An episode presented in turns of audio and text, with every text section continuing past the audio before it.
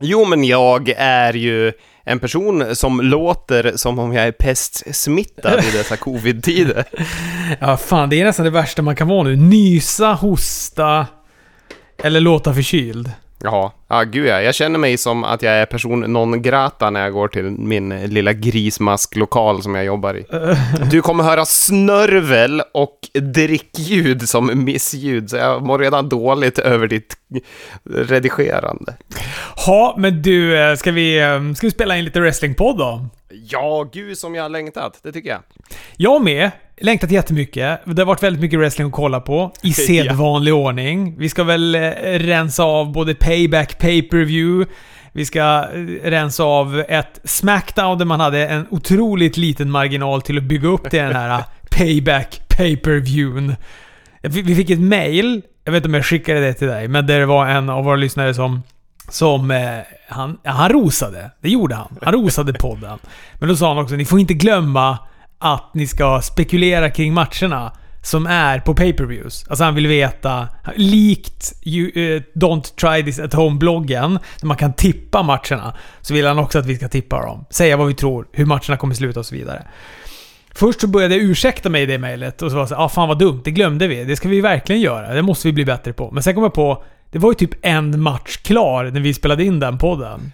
Japp. Och den var väl typ inte ens klar. För att eh, hela Smackdown gick väl ut på att Roman Reigns skulle kro- kråka på det där kontraktet. Och mig veterligt hade han inte ens kråkat på det när... Ja, två minuter innan matchen slutade som han själv var med i. Nej men visst.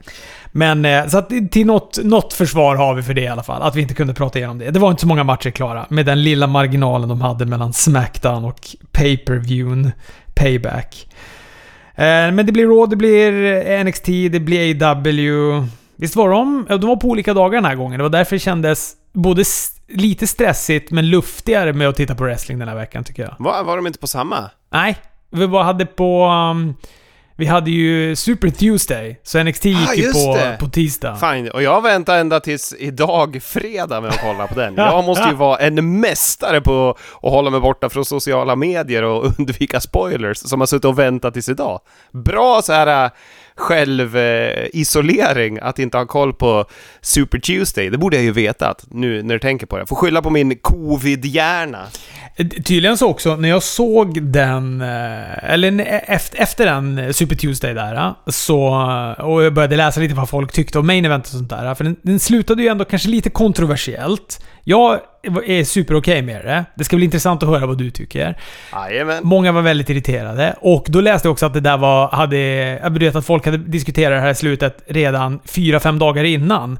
Så att det där slutet, eftersom den var en bandad show, så det där slutet måste lägaren ha redan legat ute och, och tickat Ja. bland eh, de, eh, de spoilersökande fansen där ute. Jo, men då såg jag fladdra förbi innan jag började själv isolera mig. Så, men, så du hade fått det spoilat för dig eller? Nej, jag hade bara sett att det låg ute att folk liksom bara, det, det kontroversiella slutet. Ha, okej. Vill du... ehm, vill du tillägga någonting när vi börjar plöja shower? Jag har eh, en liten fundering som har gnagt mig under veckan som inte har något med veckans shower att göra, men det slog mig när jag reagerade på att eh, eh familjen Mysterio faktiskt kan kolla på TV som vettiga människor trots att det är WWE-TV, för de tittade ju rakt på. Och då eh, skrev jag lite skämtsamt till dig att de bryter kayfabe. Och då kom en tanke upp i mitt huvud, när hur gammal, har du alltid förstått att det här var ett work? Eller har du trott att det var kanske lite shoot när du tittade på det som liten? Uh, nej, men vet du? Jag var ganska gammal när jag började tro att det var lite shoot. Alltså för jag följde ju... Jag, jag, min första WrestleMania var WrestleMania 9. Då var jag ju inte gammal. Vad var det? 92, 93 eller något sånt där. 93 tror jag det var. Och det var min farmor som hade spelat in det här till mig. Och hon var väldigt tydlig med att säga så här. Bara så du vet Robert, det här är, det är slagsmål. Men det är, det är fake. Det är på låtsas. Däremot så höll jag och min stora syster på att dividera hela... För jag trodde att alla hade mästarbälten.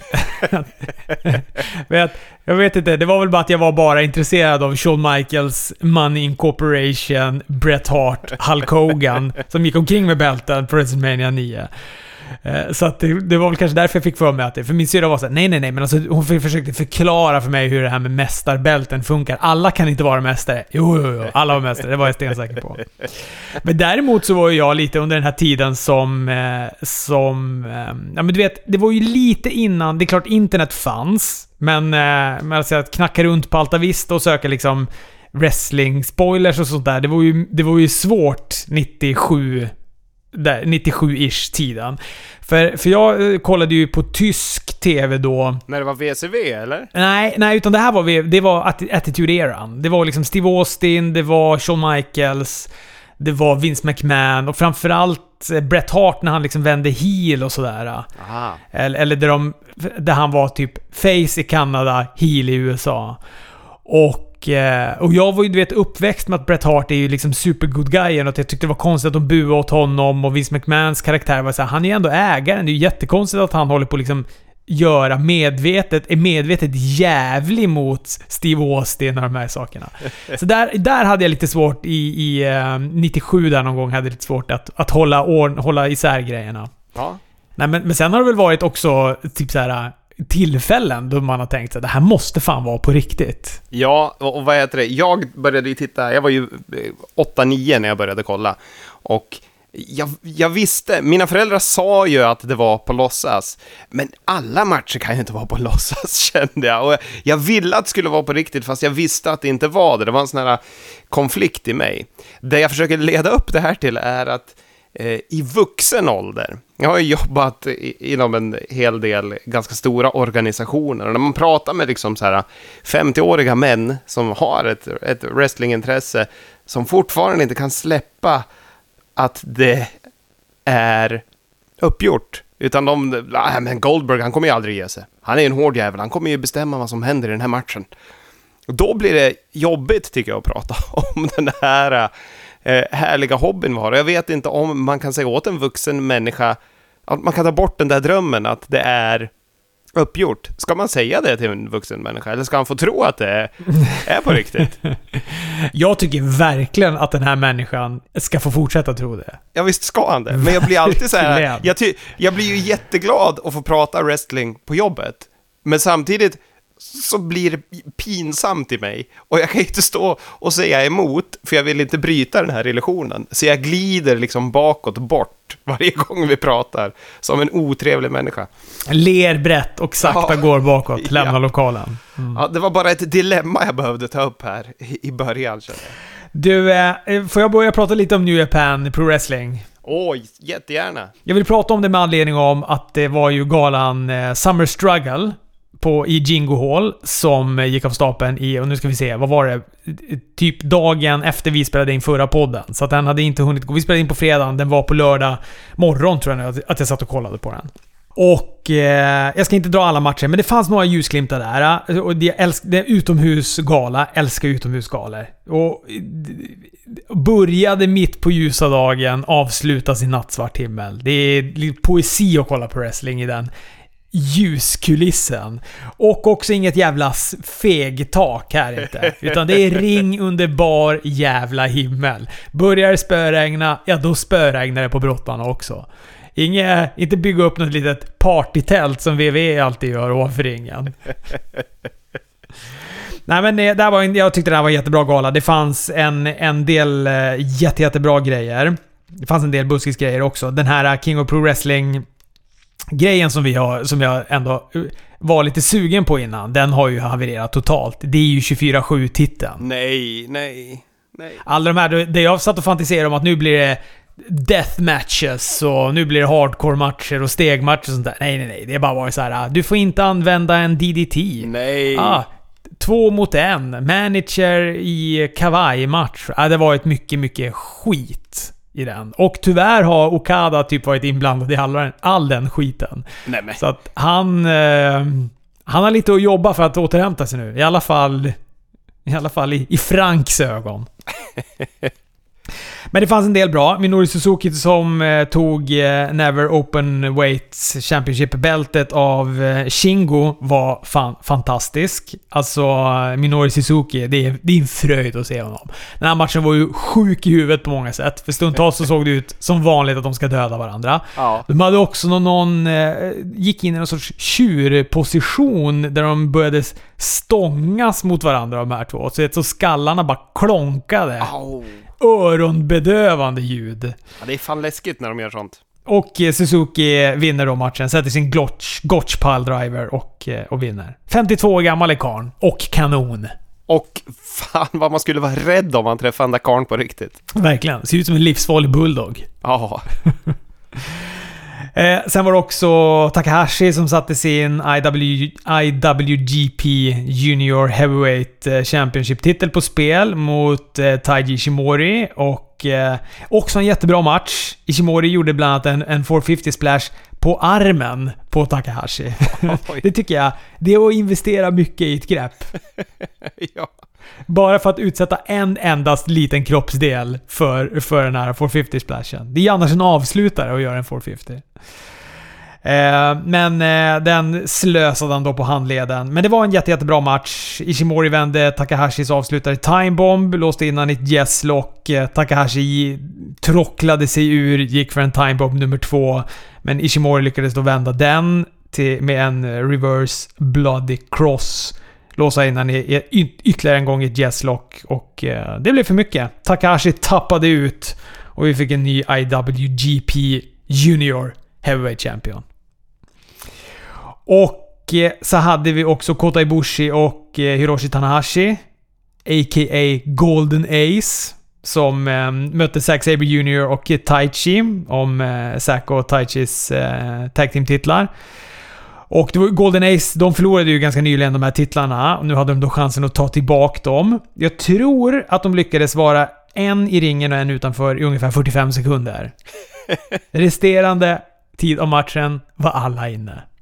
Ja, men det var bra. Det var en fröjd att se. Eh, Det gör mig ingenting. Jag, jag sitter inte så likt FTR och sliter mig i håret när jag ser det här. Utan för mig var det helt okej. Takahashi eh, fick tag på den här cementhandsken igen. Du vet den där som de använde förra gången när de plockade titlarna eh, av Golden Ace där. Men den här gången så fick Ibushi bort den genom en välplacerad superkick på handleden. Tanahashi gick för en high fly flow, men Zack Saber rullar undan. Zack och, och Taichi med en combo black Mephisto. Zack tar pinfall. Tanahashi, eh, Zack tar pinfall på Tanahashi och eh, vinner matchen. Så de behöll titlarna. Det gjorde mig glad. Ja. Och sen i main eventet så var det då Evil mot eh, Tetsuyo Naito. Eh, också returmatch. När, från när Evil då tog de här båda titlarna. Han är ju då både IWGP Heavyweight Champion och även då Intercontinental Champion. De har ju lite svårt, de här två, att få till det tycker jag. Jag var inte alls jättenöjd med deras förra match, när Evil tog titlarna då. Nej. Eh, börjar bra, men ja, vi får ännu en gång ett domarspott. Evil kastar domaren in i ringstolpen så han däckar. Dick Togo, som iklädd Ibushi-mask kostade Naito-titeln eh, förra gången. Han dubbelteamar då mot Naito när domaren är nedslagen. Då kommer riktiga Bushi in, hjälper. Även Sanada kommer in. De rensar ut och Bullet Club, Club-skurkarna. Så matchen kan fortgå. Naito sätter slutligen en half Nelson Somersault Reverse DDT. Även känd som en Destino! Som de skriker varje gång han gör den. Eh, och eh, tar tillbaka båda titlarna. Ja, det är fränt. Jag såg eh, resultatet tidigare. Det, det tyckte jag var fräscht och härligt att se att han ändå kan vinna tillbaka dem så här fort i New Japan. Ja, för man tror ju inte att de gör såna där äh, ganska korta titelbyten. De brukar ju inte göra det. Så att, äh, jag trodde verkligen inte att han skulle göra det. Men jag blev jätte, jätteglad när han gjorde det. Jag tycker ju inte riktigt Evil har bottnat i att vara mästare, tyvärr. Och äh, nu kan ju... Ja men Naito kan få ruva dem där nu fram till att Jay White kommer och plockar av honom. Ja, jag, jag håller med. Jag är, tycker inte att Evil är så superintressant alltid, om jag ska vara ärlig. Nu är ju inte jag en, en lika stor konnässör av japansk brottning, men Nej men jag håller med. Jag är inte heller så särskilt förtjust i Evil. Jag tycker inte att han är... Han är inte så spännande. nej, tyvärr. En sak som var eh, ganska intressant med eh, den här galan, det är att New Japan, de har någon sorts applösning. Jag vet inte om du har läst om den här? Nej, det har jag inte gjort. Berätta.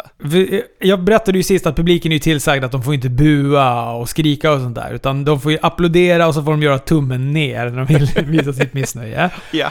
Och eh, eftersom man i Japan gör som man blir tillsagd så är, sitter de ju tyst stora delar av, av tiden. Vilket gör att man ser att det är massa folk, men det är ingen som låter. Utan ibland kommer det lite applåder. Men nu har de då löst det med någon sorts app som de då, som de då får trycka ja, eller så här hejarop eller burop på. När de känner att de vill uttrycka den känslan. Vilket gör att när de då väl trycker, då kommer det liksom en tsunami av burop eh, helt plötsligt. Det, men det, låt, det lät väldigt, väldigt märkligt med den här applösningen, måste jag säga. Men jag gillar ändå att de anstränger sig och försöker hitta lösningar. Ja, det tycker jag var, det var ju en, en eh, innovativ lösning. Tänk att kunna kombinera det med Thunderdome, så Thunderdome inte bara är bilder liksom, för brottarna på plats. Men Thunderdome har ändå skottat upp sig tycker jag. Det blir liksom bättre och bättre för varje vecka. De har någon jävel som är pigg där på buropen och... eh, Hörde jag inte någon vag 'Holy shit' också? de måste ju ha bandat av någon publik som har ropat 'Holy shit' någon gång som de försökte liksom trycka ut lite grann på, på payback. Ja, vi fick ju även 619 chants och grejer. Just det! ja, det uppskattar jag. Att de ändå... Att det liksom inte bara är två knappar. Bu och heja. Nej men verkligen, verkligen. Jag, och jag gillar ju looken fortfarande. Den har inte, jag har inte tröttnat på Thunderdome-looken än. Nej, och det blir ju så tydligt nu när NXT är i... För att... Ja men det där har ju du varit inne på innan också, att det känns... AW gör det bra, för att deras lokal är utomhus och den känns luftig och de kör pyrotekniken och de här grejerna ändå. Medans eh, NXT är ju verkligen bara i ett svart, svart rum med en spotlight ungefär. Ja, verkligen. Det är mer Raw Underground än vad Raw Underground är. Ja, det är. Sannerligen. Ska vi, ska vi dra några grejer från Smackdown också? Ja, eftersom jag har en man-cold-hjärna så kommer jag tydligen inte komma ihåg så mycket förrän jag blir påmind. Men då kommer mitt eh, fenomenala, superperfekta minne komma tillbaka. Mm. Ja, Men jag tyckte det hände ändå några spännande grejer på det här uh, Smackdownet. Även om, det, uh, även om det nu är långt tillbaka. Och herregud, nu när ni lyssnar på det här, då har det ju hunnit vara ett till ytterligare. Men det här var ju då Smackdown innan Payback. Det vill säga det Smackdownet man hade väldigt, väldigt lite marginal till att bygga upp någonting inför en pay-per-view. Eh, nya interkontinentalmästaren Jeff Hardy, han arrangerade ju en sån här Open Invitation för sin interkontinentaltitel. Först hinner AJ Styles komma in. Han är förbannad på Jeff. Han tycker att han har fuskat då med det här knäskyddet han hade. Själv har han inte fått klartecken att brottas av läkarna eftersom då Jeff orsakade det här lilla märket vid läppen som vi var inne på eh, eh, förra veckan. Så att han kan ju då inte acceptera den här invitation. Men han är arg, han vill, vill liksom vara tydlig med att Jeff har fuskat sig till den här jävla titeln. Nakamura däremot, han kan svara på den här inbjudan, vilket han också gör. Jag tycker de går en ganska bra match. Det är också lite spännande att Cesaro är lite stött att hans partner, att han då inte hade sagt till innan att han skulle ta, acceptera den här matchen. Eh, Och han önskade ju också Jeff Hardy lite ironiskt lycka till. Tycker att eh, Cesaro gjorde en bra promo där. Han brukar vara otroligt stel i WWE-världen liksom när han ska leverera promos, men jag tyckte han gjorde bättre än vanligt på den där. Jeff han vann på sin Swanton Bomb. AJ som kommentator tycker att Jeff hade fuskat igen eftersom han också använde sitt högra knä där han då har det här knäskyddet under de där baggy skateboard-pantsen han har på sig. Och när Jeff han är på väg ut, då dyker Sami Zayn upp med sin interkontinentaltitel.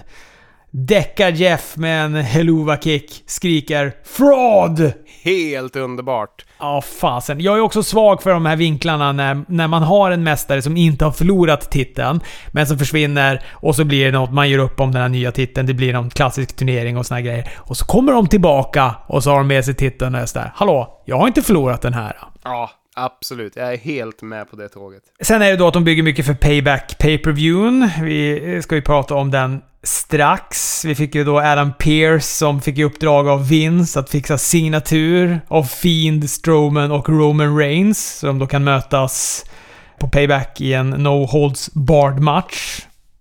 Han verkar också lyckas hitta till det här alternativa universumet där The Firefly Funhouse finns. Som Corey Graves förra veckan eh, skrek om när Braun Strowman hade lyckats hitta dit. Det är ju en talang. Ja, verkligen. Eh, ja, men Riddle och Gable de gick en kort, otroligt kort, men bra match. Efter så flög då King Corbin på Riddle. Sasha, Sasha och Bailey byggde inför deras match mot Baszler och Nia Jack som tag titlarna som kom sen på Payback då. Eh, Strowman mosade Gulak. Eh, Cesaro och hade en kort men bra match. Var jävla innovativ. Jag vet jag tyckte att det var väldigt, väldigt mycket spexiga grejer i den matchen. Och sen fick vi en liten eh, skism schism där i Lucha House Party. Det luktar ju lite heel turn där på antingen eh, Kalisto eller de andra två. Men de fick mycket, alltså de la ändå då lite tv-tid på det, vilket jag tyckte var intressant, för det här, de här har ju gynnats av covid-eran något otroligt. De skulle inte få det här utrymmet annars. Men då fan är det väl Kalisto som ska bli heel? Du, du ser ju heel-skägget han har skaffat. Ja, jag tror du har helt rätt i din heel-skägg-observation där. Eh, Big E och Heavy Machinery vann också över Sheamus, John Morrison och The Miz i en, eh, en okej okay match. Stundtals lite seg. Men Strowman, han kråkade ju på kontraktet och efter att han hade mosat Drew Gulak i sin match. Då återstod ju bara då Roman Reigns signatur. Och Pierce knackar och knackar på dörren med skylten Roman Reigns. Ingen öppnar. Till slut då går han bara in, möter Roman Reigns som sitter där och säger att ja, jag kommer vara på payback. Han kommer “Wreck everyone and leave” som är hans nya slogan då. Och sen säger han “That is not a prediction. That is a spoiler”. Och så zoomar de ut och så sitter Paul Heyman där. Härligt, härligt bra slut. Det, det där var ju en hook inför pay-per-viewet i alla fall. Alltså jag tyckte det, det där var över förväntan att de hade gjort han till en Paul Heyman-guy. Och så älskar jag att Paul Heyman bara sitter där med sitt flin och yep. stirrar. ja, men det är ju... Det känns som eh, jättehärligt att de vågar gå den här vägen med Roman.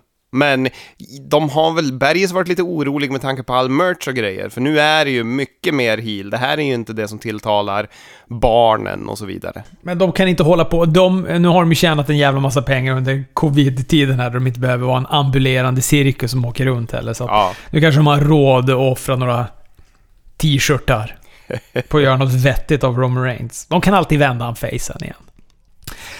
Eh, ska vi prata payback då? Det ska vi sannerligen göra. Ganska många platta matcher tycker jag det var. Det var kanske inte direkt dåligt, men jag tyckte det var ganska platt. Jag håller med. Jag håller absolut med om det. Speciellt när man kommer från ett SummerSlam som krossade alla förväntningar. Men den, SummerSlam blev ju fan golvad av. Ja, ja. Gud ja. Eh, öppnade med en US-titelmatch, Bobby Lashley mot Apollo Crews, som eh, Bobby Lashley vann. Eh, platt match. Lashley vinner på sin full Nelson. Jag tyckte också det var väntat att han skulle vinna. Så mycket som de liksom har byggt Hurt Business och så mycket som de har skyddat eh, Bobby Lashley. Ja. Eh, så att, så det, jag var inte, det var inte så att jag blev överraskad på något sätt under det. Apollo han är heller inte klar med Lashley. Han flyger på honom efter matchen och skriker att han ska ta tillbaka titeln. Jag tycker att Apollo Crews blir bättre och bättre dock. Jag tycker att han, han gynnas av att det inte är en massa publik runt omkring i hans personlighet i ringen. För han är ganska kass på promos, tycker jag, i WWE. Han verkar ha problem att, att läsa manus och leverera dem trovärdigt. Men hans personlighet i ringen tycker jag blir starkare och starkare. Eh, Big E Vann med en big ending över Sheamus också. Det var heller ingen superspännande match. Inte direkt dålig, men platt. Ja, ja, ja den här bara var där. Ja, exakt. Jag håller bara tummarna att de gör någonting vettigt med Big E. Eh, Corbin han eh, kickade ner Matt Riddle mitt i de här mitt i den här toffel-av-ritualen han gör innan matchen. Och sen så spöade han Riddle också i 93%. Alltså, Ah, jag vet inte vad jag ska säga om det här. Det är, eller jag kan börja med att säga så här, så att du blir glad Chris. Corbin såg fan bra ut i den här matchen. Han, han, han hängde med bra, det var bra tempo, han såg hård ut. Jag gillade också det här han gjorde efteråt när han spöade på, eh, på Riddle. Det såg också övertygande ut. Han var frustrerad, han kände sig förnedrad, han hade förlorat. Men det som jag stör mig på, eller blir lite besviken eh, på, det är väl att Riddle ska behöva ha det så här kämpigt Alltså så att han i 93% av matchen ligger i underläge. Då känns det som att det svalnar av så mycket kring den hettan som han ändå hade när han kom in och kickade av sig tofflorna för en månad sedan. Ja, jag håller med. Jag tycker att de skulle sparat Corbin lite kanske och låta han gå matchen när man har byggt upp, eh, vad heter det, Riddle mer så att han för den stora massan blir ett starkare kort så att det inte gör någonting att han ser svag ut som han gjorde här. Men sen så den här matchen har jag för mig och, och liksom de flesta matcherna innan här, eller matcherna har, de såg ut ungefär samma sätt. Jag tror det gjorde att det var en jämn smet för mig. Alla matcherna var att man fokuserade på en kroppsdel.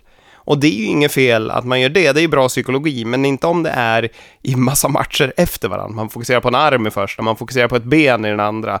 Och sen kommer jag inte ihåg hur det var här i Corbin-Riddle-matchen, men, men det blev liksom lite lika lika i matcherna. Jo, och jag tror också det är det som upplever att jag tycker att galan eh, generellt kändes väldigt platt. Alltså den kändes bara som en rak linje. Och så sen började det liksom stega lite. Jag är ganska nöjd ändå med tag matchen som kom sen. Sasha Banks och Bailey mot Nia Jax och Shayna Baszler. Den var över förväntan. Jag tycker att den den, jag trodde att den skulle vara mycket sämre än vad den var. Jag tror också att jag aldrig har sett en bra match med Nia Jax överhuvudtaget. Och här lyckas de ändå få henne att se helt okej okay ut. Ja, helt okej okay kan hon få. Men jag, här väckte, jag har ju någon under den här veckan, kanske är det min förkylning, jag vet inte, men jag har känt mig lite som Randy Orton. Inte i att jag är inne i någon prime of my life, men, eller att jag är speciellt rövig hoppas jag, men däremot så har jag stört mig något jävels på alla leg slaps. Och här, i den här matchen, då kom den sämsta leg slap spotten i världen när Shayna Baszler gör en knä på någon av av Sasha eller Bailey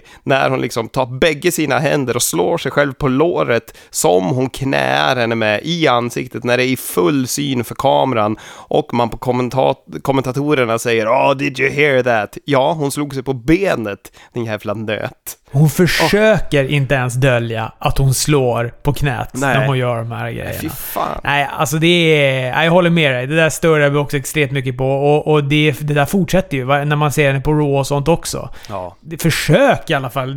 Ansträng dig lite att dölja det. Men det är ju det är som du säger, det är båda armarna rakt upp och det, det är det man ser. Mm. Den subtila detaljen är att hon gör ett knä.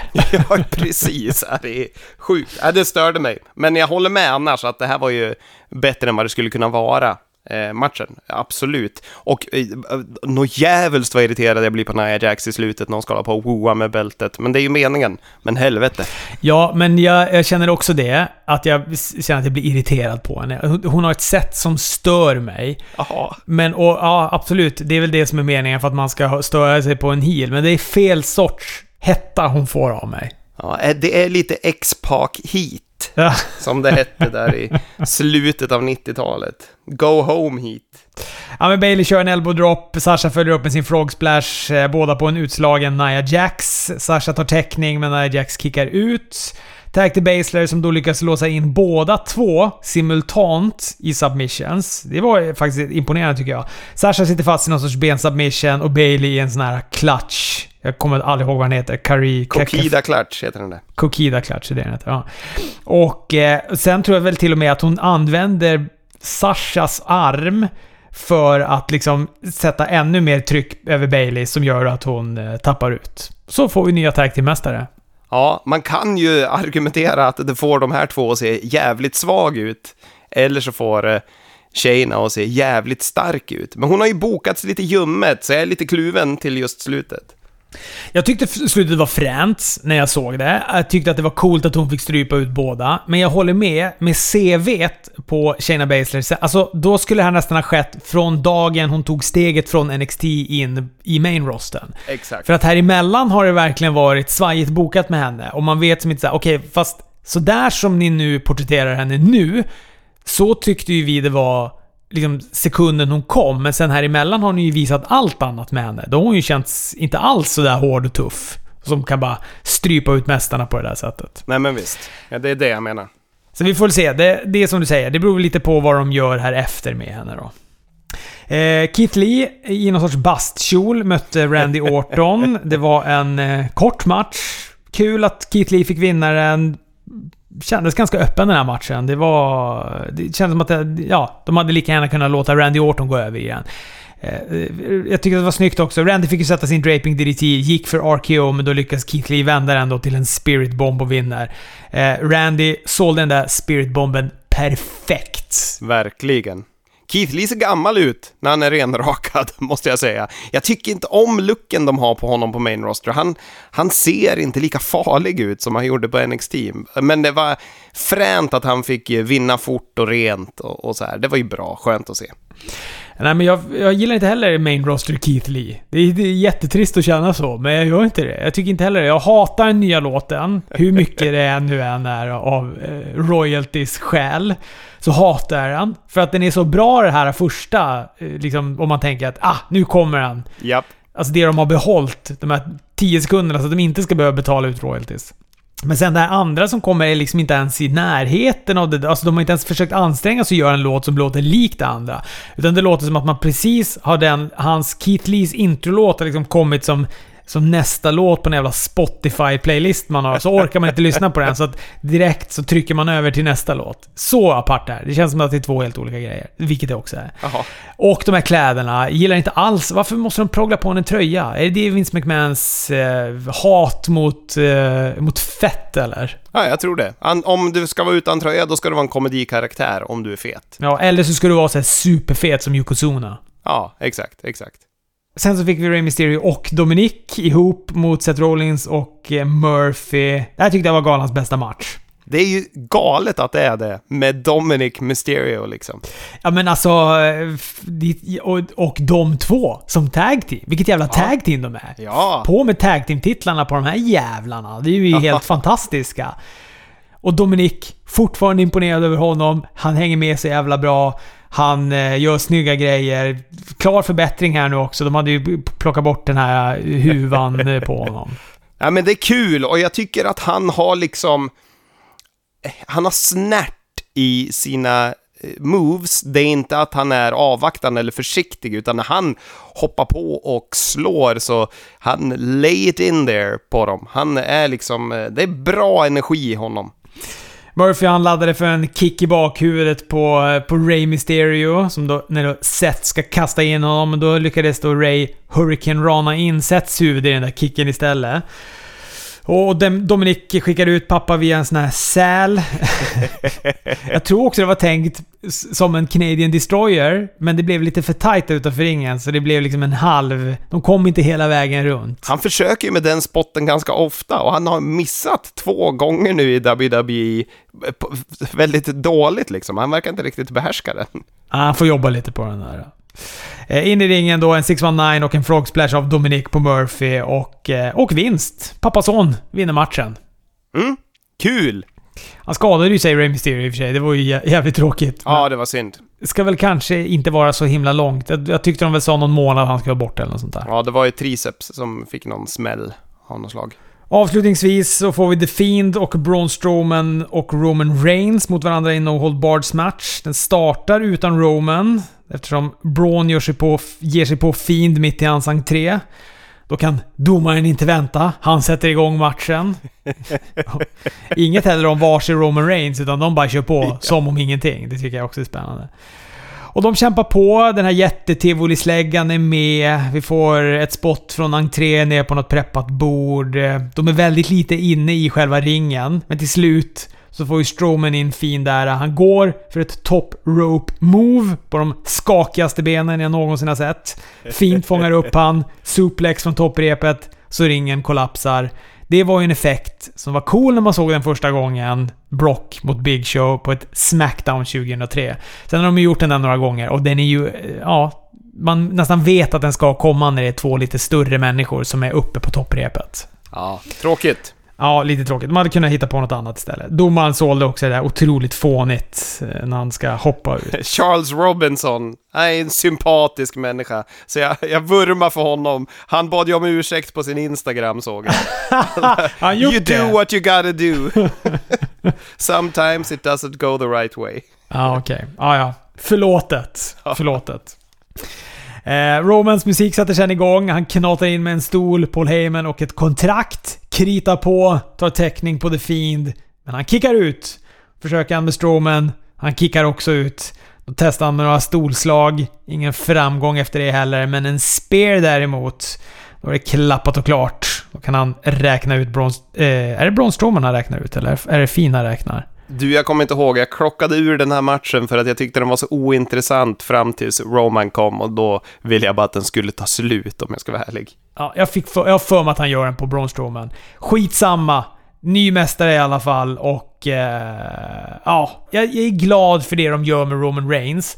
Och jag var också väldigt glad att de löste det här. Jag var lite orolig att de skulle göra någon grej så att The Fiend fick behålla titeln och det skulle sen vara en match mellan Roman Reigns och The Fiend på nästa gala.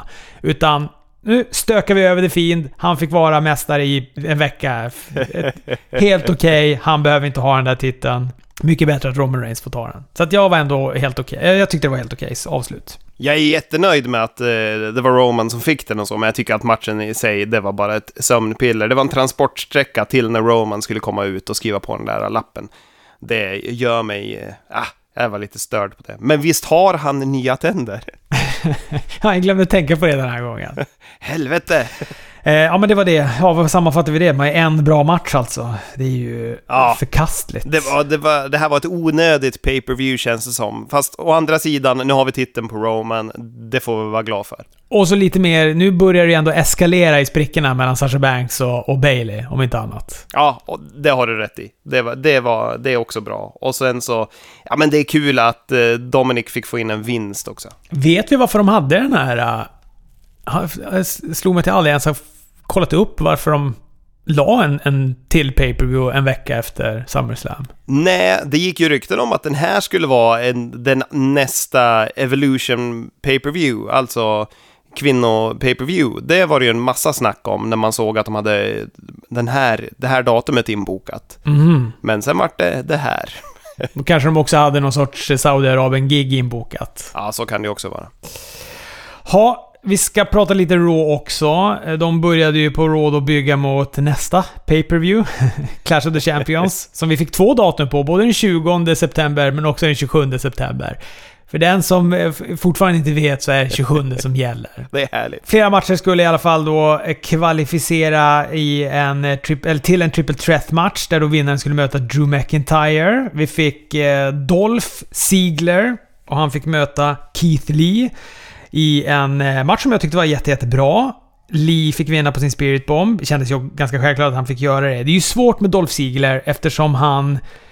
Eh, ah, fan, på, på det här Raw Underground ser han ju ändå lite tuff och hård ut. Springer omkring i jeans och så här. Men på main rosten så är han ju egentligen en loser. Han har ju inte ett jättebra track record på main rosten. Nej, gud nej. Han är ju en eh, klassisk jobber to the stars, en gatekeeper. Han man får vinna när man ska pushas han man får vinna. Det har varit tydligen med i The Bachelor eller något. Han man får vinna över såklart.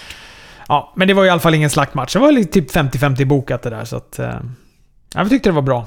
Absolut.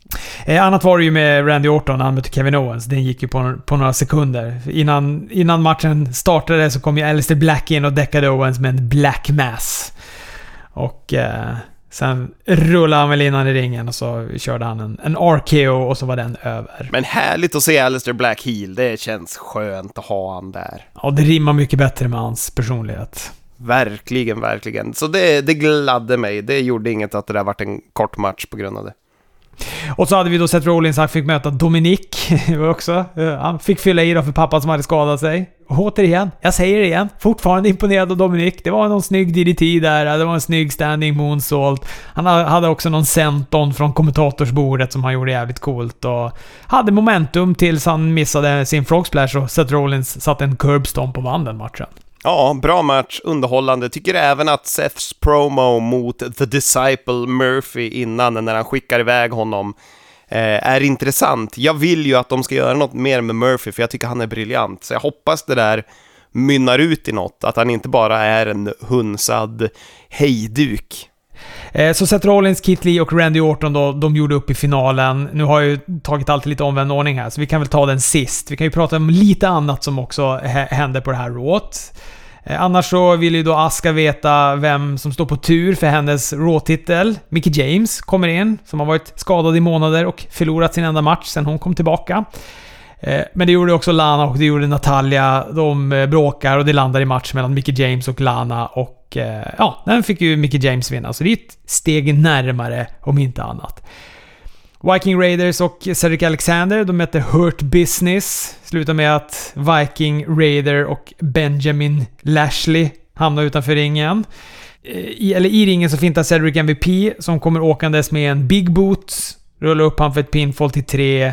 Efter så då hindrar MVP Lashley och Benjamin att hoppa på han. Istället så applåderar han Cedric. Och då tänker man så här, hmm... Är det kanske någon... Är det någon värvning på G här nu då? Men efter reklambreaket, ja då spöar de upp han backstage istället. ja, hade kunnat varit intressant. Blev ointressant. Blev, blev snabbt ointressant. Ja. Vi får Liv, och, eh, Liv Morgan och Ruby som eh, vann över Iconics, vilket gjorde att Iconics nu är tvungna att splittras. Det är nog en väldigt dålig idé, tror jag, att splittra dem. Men det går ju rykten om att Vince är väldigt eh, het på, inte i, på ett sexuellt vis, men att han ser mycket i den ena av Iconics och jag kommer inte ihåg vem av dem det är. Måste ju vara Peyton Royce då va? Ja, det är det. Peyton Royce är det. För hon är väl den enda som har två eller tre wrestlinggrepp i, i sin arsenal. Men vad vet jag, det här är något som bara har blixtrat förbi också. Men det känns ju rimligt nu när de splittras, att det kan vara så att de ser något mer i henne. Och det här vinsten då för Liv och Ruby, det gjorde också att de har någon chans att eh, ta eh, tag team-titlarna. För de får en match mot de nykrönta mästarna Nia Jax och Shayna Baszler. Någon gång i framtiden. Jag tycker Ruby Riot ser svag ut sen hon har kommit tillbaka. Alltså Liv är ändå ganska bra, men alltså Ruby var mycket, mycket bättre innan hon skadades. Ja, jag tycker hon är helt superblek och ointressant. Verkligen liksom ah, I couldn't care less när jag ser henne nu, för det, det händer inget spännande. Eh, vad fick vi mer då? Vi fick ju också en sån här Tornado Tag Team match mellan Street Profits, Andrade och Garza. Älskar alla fyra, men det måste hända någonting mer. De måste gå vidare. Nu har jag sett, likt egentligen Liv Morgan, eh, Ruby Riot och Iconics-upplägget. Och det är också så söndertjatat nu. Jag har sett de här parningarna så länge. Nu måste de gå vidare. Men så är det ju är inte det så lite grann över hela eh, Raw? Det är även Dominic och Seth har ju mött varandra ganska många matcher nu på kort tid. Det är väldigt mycket samma, samma personer som bara möter varandra och det blir ingen interaktion emellan storylinesen. Ja, men lamporna börjar blinka i den här matchen. In kommer Retribution. Garza tar hon Demi och, eh, och sticker. Det tyckte jag var kul. Resten blir spöade i ringen av de här Retribution filurerna. Ja, sen Raw Underground är tuffa på. Roderick Moss, han gick någon fight mot uh, Titus O'Neill. Det var väl inget dåligt, men jag vet fortfarande inte vart de ska med den här jävla Raw Underground-grejen. Nej men det var kul att få se Titus se lite badass ut. Han gick ju någon match innan och sen så kom ju Riddick Moss och vann över Titus. De verkar ju vilja pusha Riddick Moss med hjälp av Raw Underground i alla fall och han har väl sett Alltså, lite Jean-Claude Van Damme ut. Det kan man inte klaga på. Och Jasmine Duke och Marina Shafir, de var där också. De spöade upp Billy Kay, då Iconics hade letat sig ner underground. Apollo Crews och Shelton Benjamin började gå match. Och sen så drabbade alla samman där. Alltså Hurt Business och Cedric och Ricochet och de där. Ja, det var det Main eventet, Seth Rollins, Keith Lee och Randy Orton. Där vinnaren då ska få möta Drew McIntyre på Clash of the Champions. Det var... Eh, det var mest en match mellan eh, Seth Rollins och Keith Lee det här. Eh. Efter att Lee hade naglat en Spirit Bomb, då smög han in Orton. Drog på en RKO på Keith Lee, pinnade Seth Rollins och vann. Mm. Jag är lite lur på att de kommer hänga eh, titeln på Randy Orton nu. Eftersom han fick förlora förra matchen. Ja, och han fick förlora rent på kort tid mot Keith Lee också. Så det känns som att då kanske de kan ha upplägget mellan dem sen då. Att uh, han har ju redan vunnit över honom och så vidare och så vidare. Och sen så mynnar det ut i Edge mot Orton på WrestleMania. Ja, det låter ju rimligt det. NXT då? Super Tuesday! Super Tuesday, ja. Som du trodde var på en onsdag. Jajamän, som jag såg på en fredag. Hur har jag kunnat hålla mig?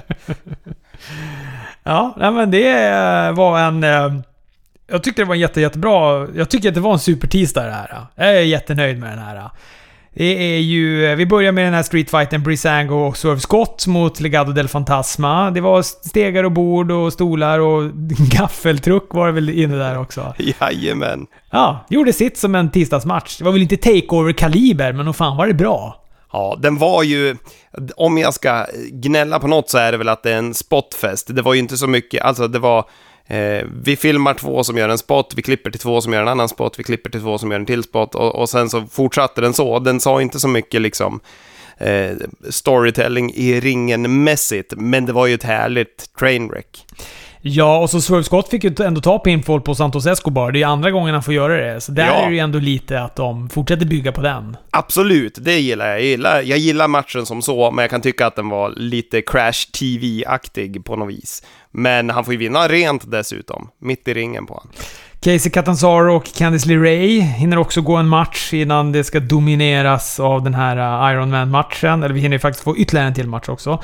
Eh, men eh, det här är ju i och för sig en väldigt, väldigt kort match och mest en plugg för Candice. Men hennes avslut där alltså, fy fan, vi måste prata lite om den. Den är så brutal alltså. Ja, den såg ju riktigt brutal ut. Jag tycker Wade Barrett sålde den bra på eh, micken också när han kommenterade. Och Catanzaro, hon ser så utsatt ut också. Hon lyfter upp henne. Hon lyfter upp henne med ansiktet ner i armarna.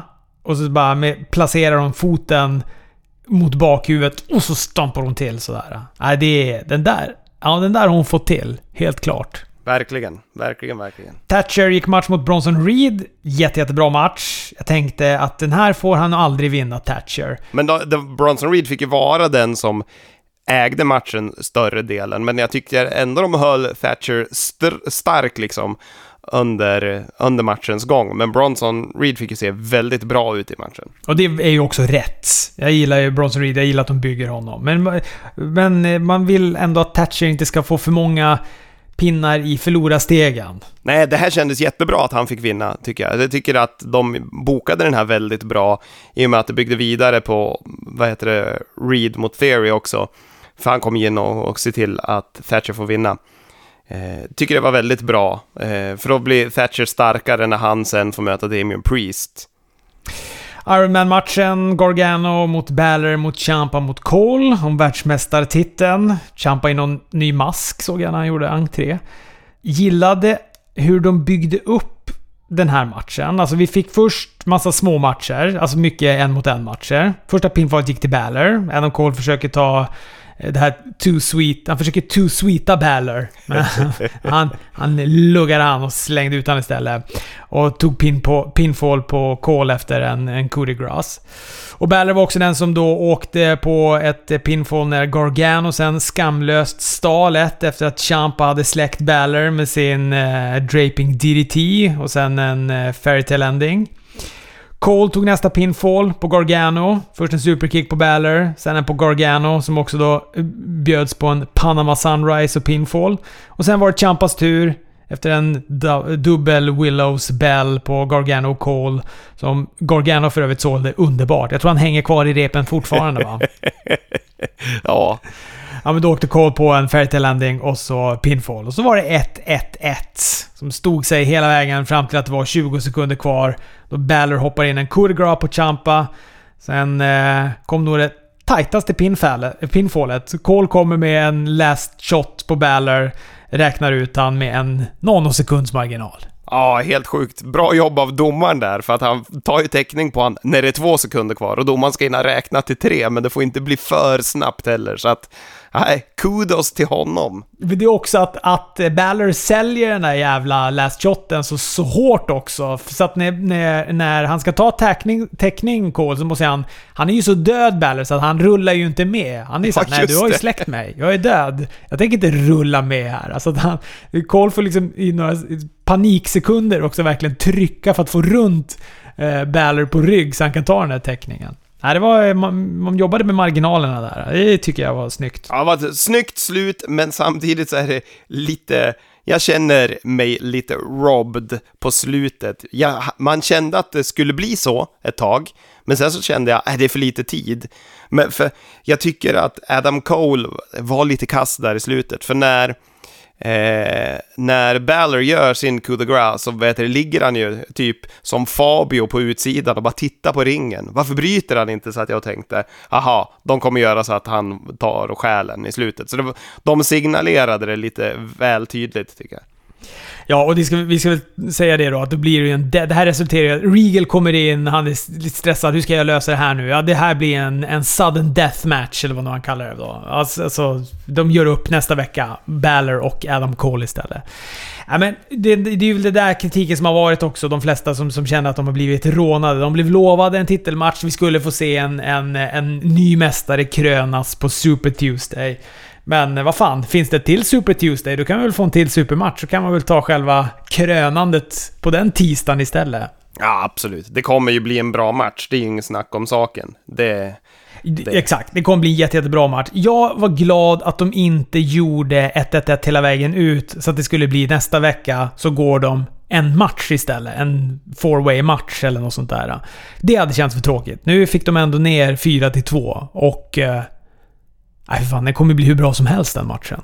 Ja, det kommer den ju absolut bli. Något som jag inte tyckte var så bra var faktiskt typ de första tio minuterna på den här matchen. Jag tycker att det var väldigt mycket kung fu-film då, vilket är problematiskt när de ska ha såna här four way matcher Att eh, man, eh, de står och brottas två personer, så fort den ena blir sänkt, då kommer nästa in och så blir det som när Bruce Lee står i mitten av en ring av eh, Akira Tosawa ninjor som kommer och attackerar. Det blir liksom, eh, ja, jag vet inte. Det känns inte så proffsigt då. Ibland så tycker jag att NXT är, li, känns lite beig på sådana sätt, att det känns för repeterat. Han är svårflörtad, Chris Dybeck, när han har en febertopp. ja, det är det. Jag är ju Randy Orton. Jag hatar ju folk som slår på benen för fan. Jag såg allt att det var lite leg slaps här. Ja men det var en... Jag, jag hade så jäkla höga förväntningar på den här Iron man matchen också. Men jag är jättenöjd med den. Jag tyckte matchen var svinbra. För mig var det en timma som bara flög förbi. Ja men jag tycker också den var bra. Jag tycker den tog sig väldigt bra sen och jag tycker att det här NXT kändes hur kort som helst och ändå fick man ju hyfsat med matcher. Alltså, det var ju inte superfå matcher trots att en av dem var en timme lång liksom. Ja, så har vi AW också. Det tycker jag däremot var ganska svagt den här veckan alltså. Ja, det var inte superhett. Det, det kan jag hålla med om. Och det var ett jättemärkligt main event. Det var fan VVE-kaliber på det där main eventet. Ja, det var det enda man satt och tänkte. Det här känns ju WWE. De byggde då för deras pay-per-view som är typ nu, lite beroende på när du har satt igång och lyssnat på den här. Men om du sätter igång och lyssnar på den sekunden som den släpps, då har du kanske hunnit lyssna klart avsnittet innan eh, själva all out pay-per-viewn börjar. Eh, men eh, de eh, byggde då mycket för den pay-per-viewen. Det öppnade med tag team match mellan Best Friends och busarna i Santana och Ortiz. Jag gillar att de är så jävla klassiska råheels Santana och Ortiz. Jag har liksom inga problem med att de vinner med att Santana myglar fram en stilettbatong och drar i korsryggen på Trent. Jag tycker det är helt okej. Okay. Sen att han gör det så här lika försiktigt som när Hulk Hogan använder stolar på någon. Han liksom lägger den mot ryggen på honom så han ja. bryter ihop. Ska vara, ska vara safe. Ja, verkligen. Ja. Eh, men visst blev det ett pinfall bort här va? Chuck Taylor, han vände ju en sån här street sweeper till en eh, back to belly pile driver eller dubster eller crunchy eller vad nu han kallar den här. Eh, och Santana la Ortiz arm på repet för att bryta ett pinfall som helt plötsligt behövde gå till fyra. det, det, tänkte jag faktiskt inte på. Gjorde du inte det? Nej. Och så grejen är att jag spolade tillbaka det flera gånger för att ibland och det här ska man, ska man ändå ha, ha med sig. För ibland så tycker jag, och man hör också att publiken, när, när det var mer publik inne i arenor, att de, när de räknar med domarna så räknar de också till, till tre och så kickar någon ut och så blir man så förvirrad. Men då kan det ju vara att när domaren kastar sig ner i backen för att ta eh, för att börja räkna så smäller ju det och då tror folk att det är den första pin, alltså den första liksom ja, slaget ner i marken, av, mattan av domaren. Men eh, nej, det var inte fallet den här gången. Utan han räknar till tre, sen smyger han upp armen och domaren bara fortsätter. Ska liksom slå in den fjärde gången. Åk tillbaka allihopa, kolla på det, pausa, spola tillbaka så ska ni se att han slår armen fyra gånger, eller tre gånger och sen är han på väg en fjärde gång innan de bryter den. Intressant, det här måste jag ju titta. Ja, det är en detalj, det är det. Vi fick då Stilat och Santana Ortiz, de vinner på sin Street Sweeper till slut. Eh, jag tyckte att det var en, en bra start eh, på AW det här. Eh. Följde upp med en ännu bättre match. Young Bucks och Jurassic Express mot SCU och eh, Private Party. Eller blev du åksjuk av alla spotsen här? Chris Dybeck? Nej, de här, nej, här gillar jag. Jag tänker alltid när jag ser Frankie Kazarian i ringen att skulle jag starta ett förbund i USA, då skulle jag vilja ha Frankie Kazarian där som en, en trygg jävla talang att sätta in i ringen när man bara vill vara säker på att allt ska gå som man vill. Jag tycker det här var stabilt och bra. Det byggde ju Bucks bra i deras alltså liksom hat mot eh, Hangman.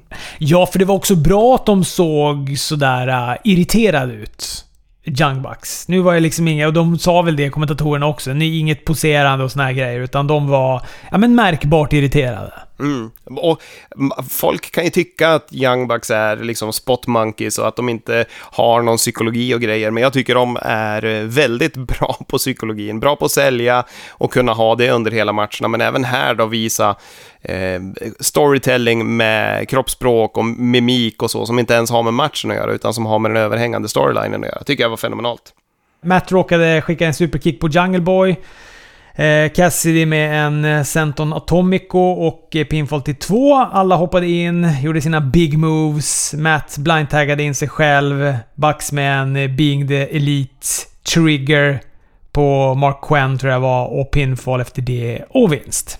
Ja, jag vill även säga att jag tycker att Luchasaurus igen såg lite bättre ut än vad han gjorde när han såg trött och slarvig ut sist. Nu tycker jag att han var i, i bra form igen.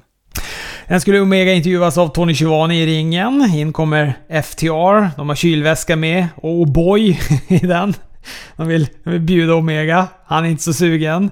Utmanar istället FTR och Tully en eh, tre mot en. In kommer Hagman Page.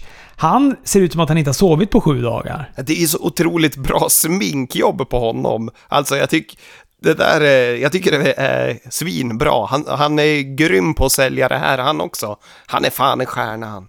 Och FTR säger då att det var han som gjorde eh, det han gjorde förra veckan eh, när han då kostade Young Bucks matchen. Att de är liksom inte inblandade för att han är bara, alltså Hangman Page är bara en osäker liten pojke. Stämningen den hettar till och eh, ja, fan det ska bli intressant.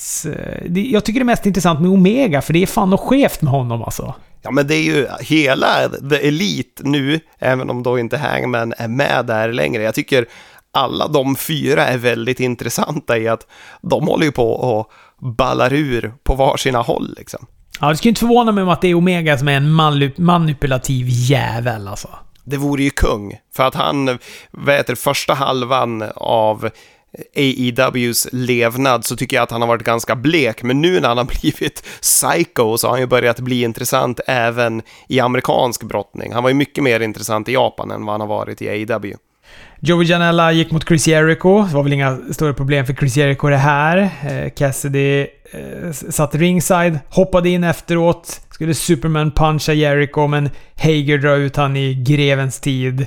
Cassidy hade också med sig lite av the bubbly och hällde ut det till handgest av tummen ner. Ja, men de byggde deras match. Vill även säga att det är härligt att även JR är ett stort Marty Jannetty-fan och kallar Joey Janella för Janetti och bara oh no, my old pal Marty. Men jag måste säga att jag tycker att Jericho och Joey Janella hade bra kemi Synd att Janella liksom har fallit långt ner på, vad heter det, trappan här. Alltså jag slänger mig med så konstiga uttryck idag så jag vet inte vad som är i min hjärna. Men han har ju fallit långt ner i hur mycket han betyder. Men jag tror att de två skulle kunna ha någonting bra mot varandra. För jag tyckte de hade väldigt bra kemi när de väl var i ringen och brottades. Men han får passa sig lite, Joe Janella. Det känns som att han eh, börjar gå ner sig väldigt mycket. Ja, han är, alltså man ska komma ihåg att han var ju den som gick första liksom, matchen mot Moxley. Väl? Han gick ju en av de tidigare, den här jävla deathmatchen de hade. Ja, just det. Och det gjorde han ju, ja. Och vad heter det? Eller unsanctioned var det. Ja, han gick ju en dark... På dark gick han ju en match mot Omega också som var helt jävla sanslös. Eh, och, eh, och på all... När det var då all in så gick han ju den här matchen mot Hangman Page. Som var det första som jag såg med Joey Janela. Som jag tyckte han var fenomenal i. Ja, han har ju gjort, han har ju fått göra stora matcher, han har gjort bra matcher, men sen händer det något. Ja, han kanske mår lite sådär. Mm. Ja, sen var det också lite försmak av den här Casino Battle Royalen. Det var stökigt, det var en massa brottare i ringen. Roligast var att Jake the Snake Roberts såg jävligt sugen ut på, på att ge sig in i det hela också när det väl satte igång. Han såg dessutom ut som att han inte riktigt visste hur man gick ut ur ringen. Det började balla ur. Men det här, om, om main eventet var väldigt mycket WWE, så var ju den här också väldigt mycket bygga in för Royal Rumble. Vi kastar in alla som ska vara med, så får de stå och göra det de ska göra på pay-per-viewet. Inte någon favoritgrej för mig, det här.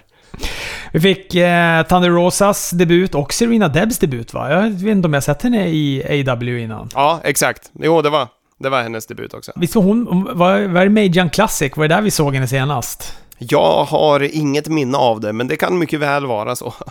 Ja, ja. Thunder Rosa i alla fall. Hon fick vinna med sin Thunder Driver. Den publiken som finns här, den är ju knäpptyst under den här matchen. Synd, för jag tycker det var en bra match.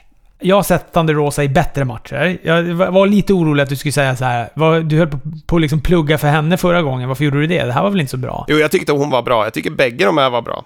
Jag tycker, jag tycker att den var lite för lång, för att den behövde ju gå över en reklampaus. Och då var det lite mycket dödtid i den kan jag tycka. Men annars tycker jag det var en bra och liksom hård match.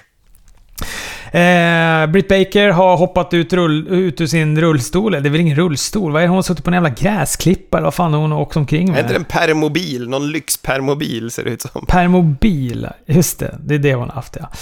Den hoppade hon ur den här veckan, spelade upp Big Swall och eh, hon använde någon bussola va? Eller var det quattro formaggi? Den såg ostig ut den där pizzan som som var inblandad i bråket. Ja. Ja, det var vad det var. Sen var det ju då den här Mark Sterling, advokaten till MJF, som under då hela episoden försökt lämna Florida, skulle jag tippa. Eh, han blir då inkastad till ringen av Wardlaw, gick då ett main event mot Moxley. Det var buskis, det var framförallt alldeles för långt och utdraget. Jag tror till och med Moxley säger “This is bad TV” va, eller något sånt där under, under den här matchen. Ja, alltså det, det här var skit. Eh, alltså det, det, var, precis som du säger, det var ju alldeles för utdraget. Hade de kunnat haft det här som en liten komedimatch, han går in, sänker honom jättehårt, jätterejält och eh, sen är det över. Men det fick ju tok lång tid. Ja, och så blir alltså han Mark, Ster han Mark Sterling här är ju ändå en indiebrottare. Och då tänker man att då skulle de ju kunna kanske göra något lite råare av det här. Att han kommer in, ja visst du kan ju ha advokatkavajen på dig eller en jävla Adidas-shorts och t-shirt i funktionsmaterial som folk har på gymmet. Men du vet, han ska komma in och vara så här som en jävla Michelin-gubbe för att han har stoppat skydd överallt och... Ja men det bara höll på för evigt också det här trippandet fram och tillbaka och... Att, ja, den satte ju liksom aldrig igång. Till slut så sätter ju då, eh, får ju Moxley tag på honom och avslutar honom ganska, ganska kvickt. Och sen så tycker jag ändå det blir coolt då med slutet med Wardlow. Han liksom dyker på Moxley, MJF kommer in, han kastar liksom nackkrage, det jävla gåstödet han har och ger sig på Moxley ganska rejält. Det är blod och grejer och det är det som också avslutar Dynamite. Ja, bra avslutning, men det var too little too late på något sätt. De måste ju ha förlorat det här eh, segmentet mot NXT. Ja, som inte gick. Men just ja. Eller jo, i och för sig. Fel av mig. Det, du, har ändå, du har ändå rätt, för de kör en repris på NXT, fast på Sci-Fi Network. Hur var ratingens då? Jo, de hade faktiskt ganska bra ratings på ett ganska dåligt avsnitt. Jag ska titta här vad fasen det var, men det var strax under miljonen. Och även så hade NXT ganska bra ratings eh, när de fick vara på tisdagen där. Kul, kul! Vad heter det? Jag måste även bara säga att Eddie Kingston är fan bäst på micken i AEW. Ja, han är bra, men sen, jag vet inte vem av dem var dålig i det här läget då? För jag tyckte att det där snack, men det kanske var Jake Roberts va? För han, han slutade liksom aldrig snacka.